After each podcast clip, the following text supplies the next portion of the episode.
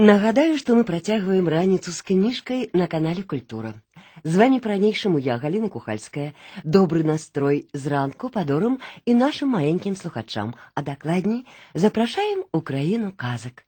Прычым казкі самыя разнастайныя, а героі іх, думаю, спадабаюцца вам. Такім чынам, казка пра медны кацялок, качан капусты, агонь, вада і горан, залаты пастух. Аўтар тэкстаў Таіса Жумар, выканаўцы народны артыст Валерый Філатаў і заслужаны артыст рэспублікі Віктор Манаю. Сёння я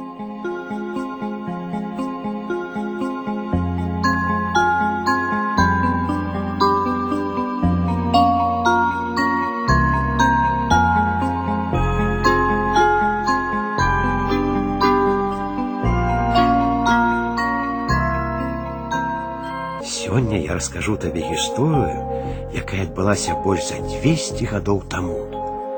Але у той даўніны ёсць свае сведкі. І што там сведкі, галоўныя героі? Ну дык слухай уважліва.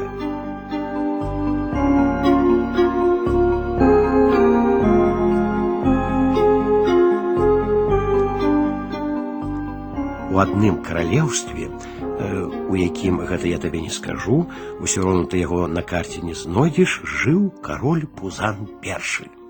Нішто сабе быў валадар, ну, зрэшты, як усе ягоныя суседзі каралі. Любіў штодня прымаць вайсковы парад, слухаць розныя байкі ды казкі і зрэдку капрызіць раніцой. Але меў наш пузан адну дзіўную звычку есці кожны раз з новага посуду. Ну, так, маўляў, цікавей. А каб прыслуга яго не падманула, пузан першы загадаў пасля снеданяў, абедаў ды вячэр разбіваць увесь посуд, з якога толькі што еў. Шкада было чалядзінам біць прыгожыя каралеўскія сервізы, але што зробіш? Каралеўскае слово закон. Да таго ж пузан першы займеў сабе новую забаву Ён сам трушчыў талеркі ды фужэры, страляючы ў іх з ружа. Праз нейкі час у каралеўскім палацы немагчыма было знайсці аніводнага мізернага сподачка, і толькі чуўся незадавольны крык караля: Есці хачу! Уся каралеўская світа, розныя міністры, генералы пачалі прыносіць свой посуд, але хутка і ён скончыўся. Што рабіць? Як не шчыраваў каралеўскі кухар, як не стараўся, не хоча кароль есці і ўсё тут. Пачаў пузан першы чэзнуць ды марнець, А які ж з яго хворага валадар? Дазнаўся пра гэта адзін зайздросны сусед кароль і пайшоў на нашага пузана вайною, а такой весткі пузану яшчэ горш зрабілася. Ляжыць не ўстаем, адны лекі прымае, і нічога не есть. А суседава войска под боком ужо. Вераломны сусед прыслаў пузану ў палац свайго пасла, маўляў, здавайся, пузан, а не то, а калі здасіся, мой гаспадар суседні каролю вашу каралеўскую міласць будзе шанаваць і ўсе вашыя пажаданні выконваць. І выскаляка пасол дастаў са шкатулкі, якую трымаў ягоны служкай вельмі прыгожы сподачак, размаляваны ружовымі кветкамі, а потым яшчэ адзін і яшчэ беднага пузана ажно перасмыкнула. Ён так утаропіўся ў прыгожыя сподачкі, што у чэраве нават забурчэла. Але не гожа каралю прадаваць цэлае каралеўства за нейкі там талерачкі. Прэч адсюль з апошніх сіл выгукнуў кароль і паваліўся на падушкі. Як толькі пасла выгналі з палаца, кароль пузан першы абвесці указ. Хто мяне зможа пакарміць, той атрымае званне генерала і будзе разам са сваім слаўным каралём змагацца супраць вераломнага суседа. І вось ля каралеўскага палаца выцягнулася даўжэзная чарга. Многія жадалі стаць генералами, але нічога ў іх не атрымалася. Усе як адзін прынеслі пузану лекі для апетыту, а ў караля тых лекаў аж пад столь. Затужыў кароль, страціў нават надзею вылечыцца. Але раптам уваходзіць да яго ў пакой просты салдат, а ў руцэ трымае медны кацялок. да краёў напоўнены салдацкаю кашай. Вось, ваша милость, кажа солдат, паспрабуйце маёй кашы з кацялка. Кацялок гэты, відаць, чароўны, проста ежы заўсёды смаку дадае. А мяне надоіч нават ад смерці выратаваў. Вось след ад кулі, бачце. Скасаворыўся кароль на кацялок, але вырашыў такі паспытаць салдацкай кашы. З'еў лыжку і апрастаў увесь кацялок. Узрадаваліся ўсе, нарэшце наш кароль аджыў, а сам кароль радаваўся больш за ўсіх. Не прайшло і пяці хвілін, як пузан першы апрануў вайсковы мундзір і разам з новым генералам адправіўся да свайго войска. Цэлы дзень кароль скакаў на кані, аддаваў загады, каб належным чынам сустрэць непрыяцеля, а ўвечары стомлены вярнуўся ў палац. А дзе мой медны кацялок? спытаў кароль. Вельмі ўжо смачная каша ў ім была. Здзівіліся чалядзіны і толькі рукамі развялі. Мабыць, гэты кацялок па старой звычцы выкінулі з палаца. Што тут пачалося? Як не стаміўся пузан за цэлы дзень, але абшнырыў увесь палац, увесь сад, але кацялка так і не знайшоў. Ну што тут рабіць? Кароль ужо збіраўся абвясціць новы загад, але раптам пачуўся знаёмы голас. Што гэта вы, ваша вялікасць, у цемры па кустах блукаеце? Я вам тут павячэраць прынёс. Азірнуўся кароль, а гэта яго новы генерал стаіць, а ў руках медны кацялок, поўны духмянага крупніку. Дзе ты яго знайшоў? склікнуў узраданы кароль.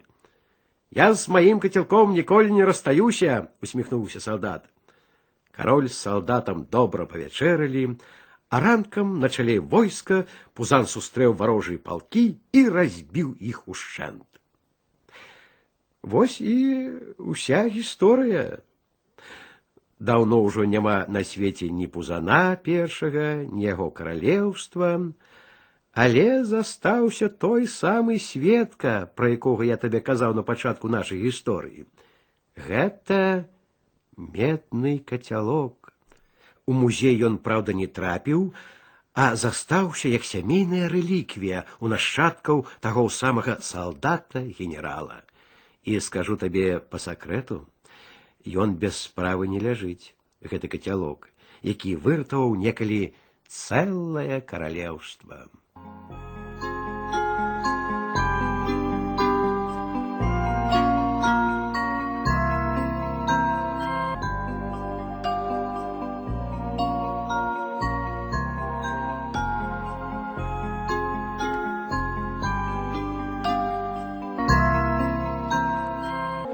Я хочу рассказать тебе две повучальные истории. Послухай.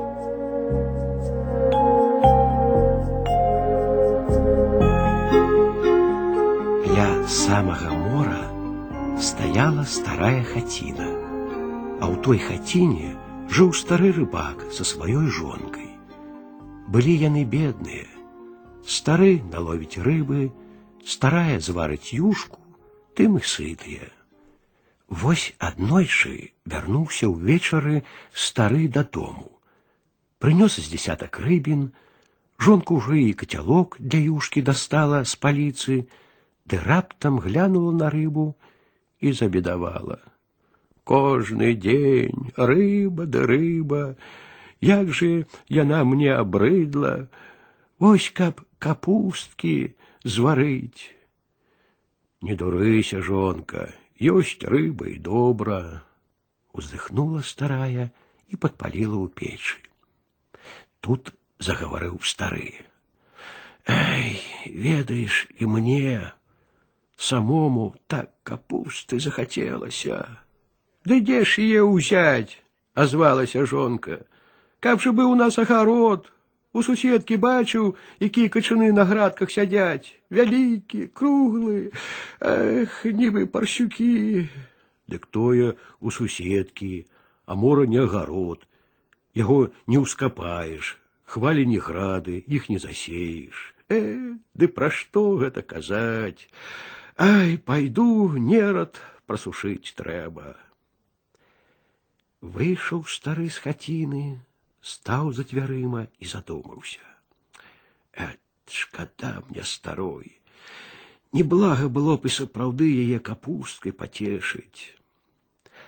А ці не залезці мне ў суседскі агарод? Вечар цёмны, хто мяне там убачыць? Вырашыў так стары і пайшоў па сцежцы. А жонка тым часам таксама думала: Ой, шкада мне майго старога. Усё рыба да рыба, хаця б раз яго капусткай пачаставаць. У суседкі качаны добрыя ўрадзіліся. Ай, адным качаном меней яна і не заўважыць. Падумала так старая і пабрыла да суседскага агарода.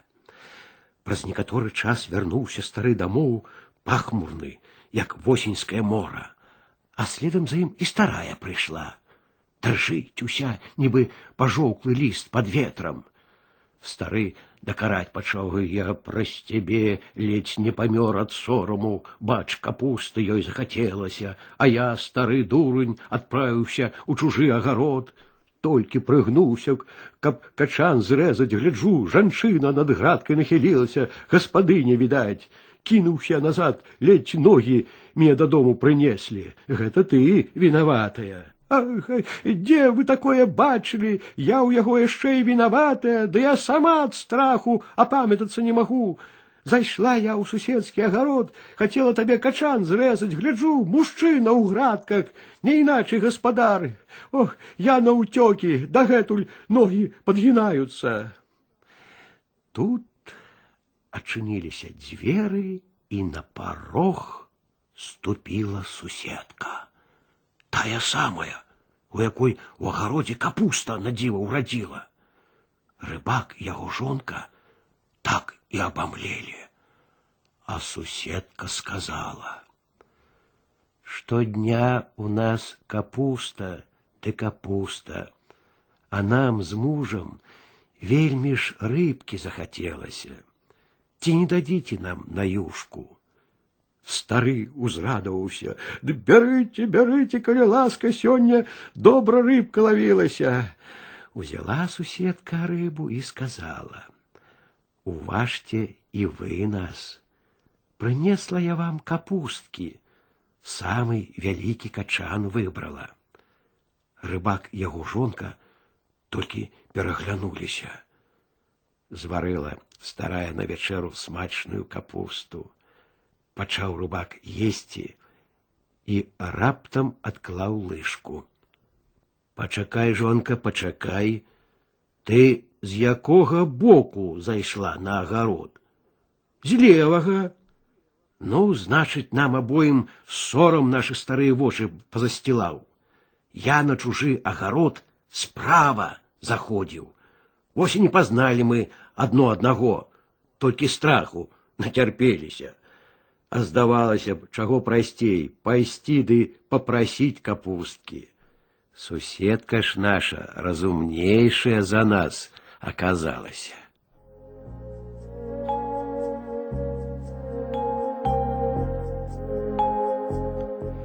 І яшчэ одна гісторыя. Можете ёй верыць, можете не верыць, але даслухайце до конца, і вы пагодзіцеся са мною, што гэта самая павучальная гісторыя з усіх, які вам калі-небудзь даводзілася чуць. Аднойчы сустрэліся ў дарозе агонь і вада. Агонь не любіць сядзець на месцы. Нават калі яго зачыняюць у печы, у яго толькі думкі, як адтуль выскачыць. Вада таксама не паседа, вечна кудысьці імкнецца. Вось і вырашылі яны пайсці на прагулку разам. Толькі прывіталіся, бачыць, ідзе гонар. Шаноўны гонар, сказалі агонь і вада, ці не кажаце вы нам гонар пагуляць разам з намі. Дзякуй за запрашэнне, азваўся гонар. Я ўпэўнены, гэта будзе прыемнае падарожжа, але даруйце ў мяне правіла заўсёды ведаць, чым займаюцца мае спадарожнікі. О, не хвалюйцеся, шаноўны гонар, зацурчала вода. Вам не давядзецца чырванець за таго, што вы крочце побач са мною. Я наталяю смагу падарожнікаў, мыю, арашаю палеткі і кручу млынарскія колы. Гэтыя словы вады адпавядалі ісціне. Але яна прамаўчала толькі пра тое, што часам е цурчанне ператвараецца ў глушальны роў, і тады яна рве плаціны, залівае паселішчы і разбівае ў трэскі караблі. Ну, каму ж прыемна казаць такое пра сябе, ды яшчэ пры першым знаёмстве. А я, сказаў агонь, асвятляю і абграваю жыллё, гатую абед і дапамагаю кавалям каваць жалеза. Агню не хацелася выглядаць перад гонарам горш за ваду, Таму ён таксама пра сёе тое прамаўчаў. Напрыклад, пра тое, што разгуляўшыся ён можа спаліць цэлую вёску, ці зляцеўшы з неба расшчапіць дзеля забаўкі стары паважны дуб, які прастаяў яшчэ гадоў трыста. Гонар, які быў вельмі патрабавальны, але даверлівы, прыйшоў у захапленне ад сваіх спадарожнікаў. Дык пойдзем жа сябры гуляць у трох, усклікнуў ён. Пачакайце, сказаў агонь. У дарозе хто-небудзь з нас можа адстаць ці звярнуць у бок. Трэба дамовіцца, па якіх прыкметах мы адшукаем адно аднаго. Мяне так здалёк можна пазнаць па дыме. Усім вядома, няма дыму без агню. Вада сказала: « Не шукайце мяне там, дзе расліны пажоўклі і паніклі, дзе глеба патрэскалася ад спёкі, я там, дзе ніцы і вербы, вольхі, трыснёг і высокая зялёная трава. Ну а што датычыцца мяне пра мою гонар, то ў мяне няма асаблівых прыкмет. Калі хочаце сябраваць са мною, няспынна сачыце, каб я не згубіўся, Таму што хто мяне згубіць, той ніколі не набудзе зноў. І гонар адзіны з траіх сказаў шчырую праўду, нічога не ўтаіўшы.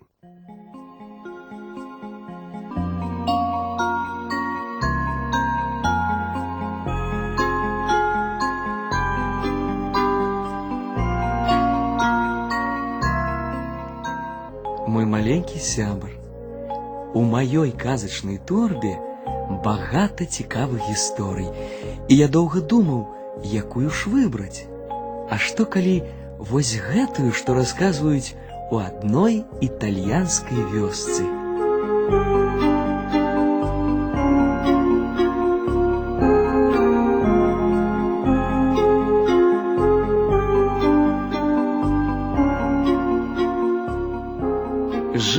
Жыў там калісьці малады пастух. Звалі яго Марціна.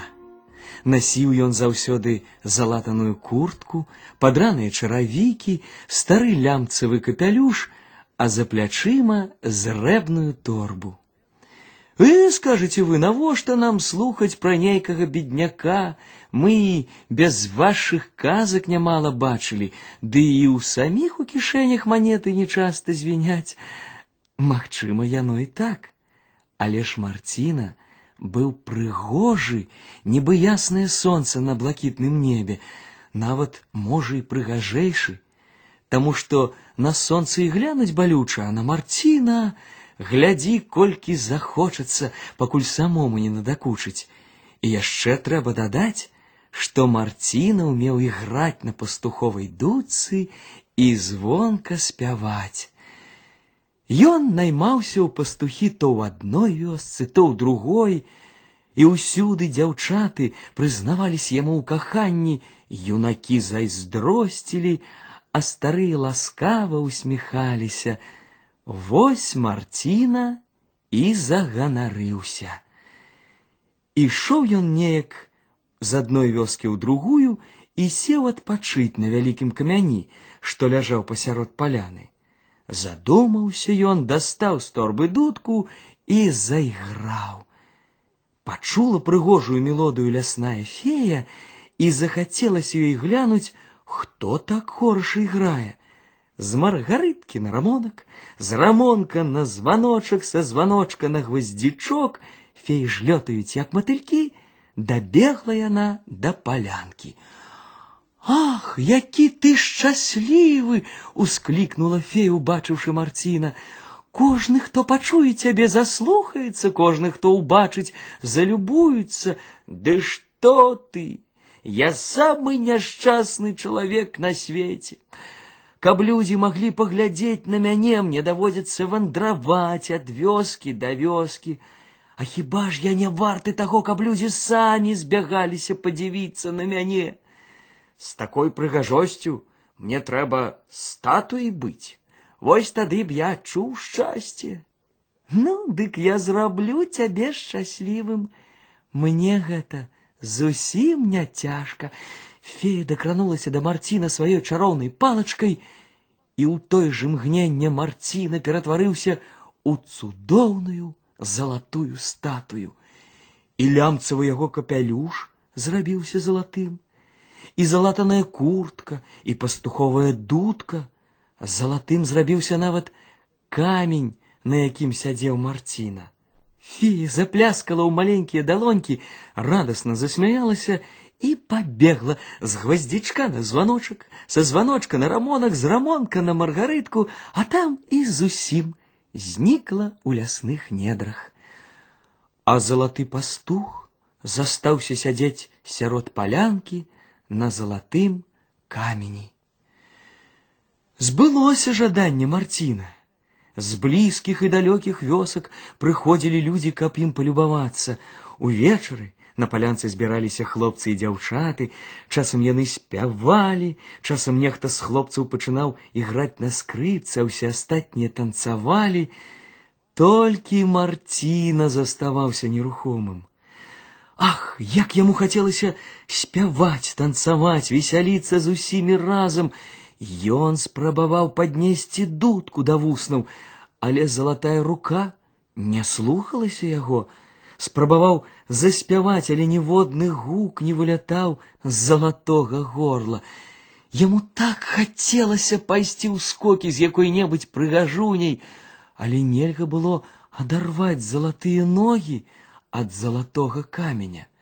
Нават крыкнуць ад роспачы ён не мог таму, што слёзы не каціліся з-пад цяжкіх залатых павек. Так беглі дзень за днём, тыдзень за тыднем, месяц за месяцам, акурат праз тры гады на палянку, з кветкі на кветку, з травінкі на травінку прыбегла фея. Вось сядзіць шчаслівы пастух, сказала фея. Ён атрымаў усё, чаго жадаў. Скажы мне, ці шчаслівы ты цяпер? Статуя маўчала. Ах, ускликнула фея, я ж зусім забыла, што ты не можаш адказаць. Не сярдуй, я на хвілінку зноў зраблю цябе жывым чалавекам. Фея дакранулася да залатога пастуха сваёй чароўнай палачкай, і ледзь толькі я на гэта зрабіла. Марціна саскочыў з каменя і кінуўся на ўцёкі разам са сваёй дудкай і зрэбнай торбай. Пачакай, пачакай, крычала фея ў здзіўленні, але чым званчэй яна крычала, тым хутчэй мільгалі дзіравыя чаравікі небаракі Марціна.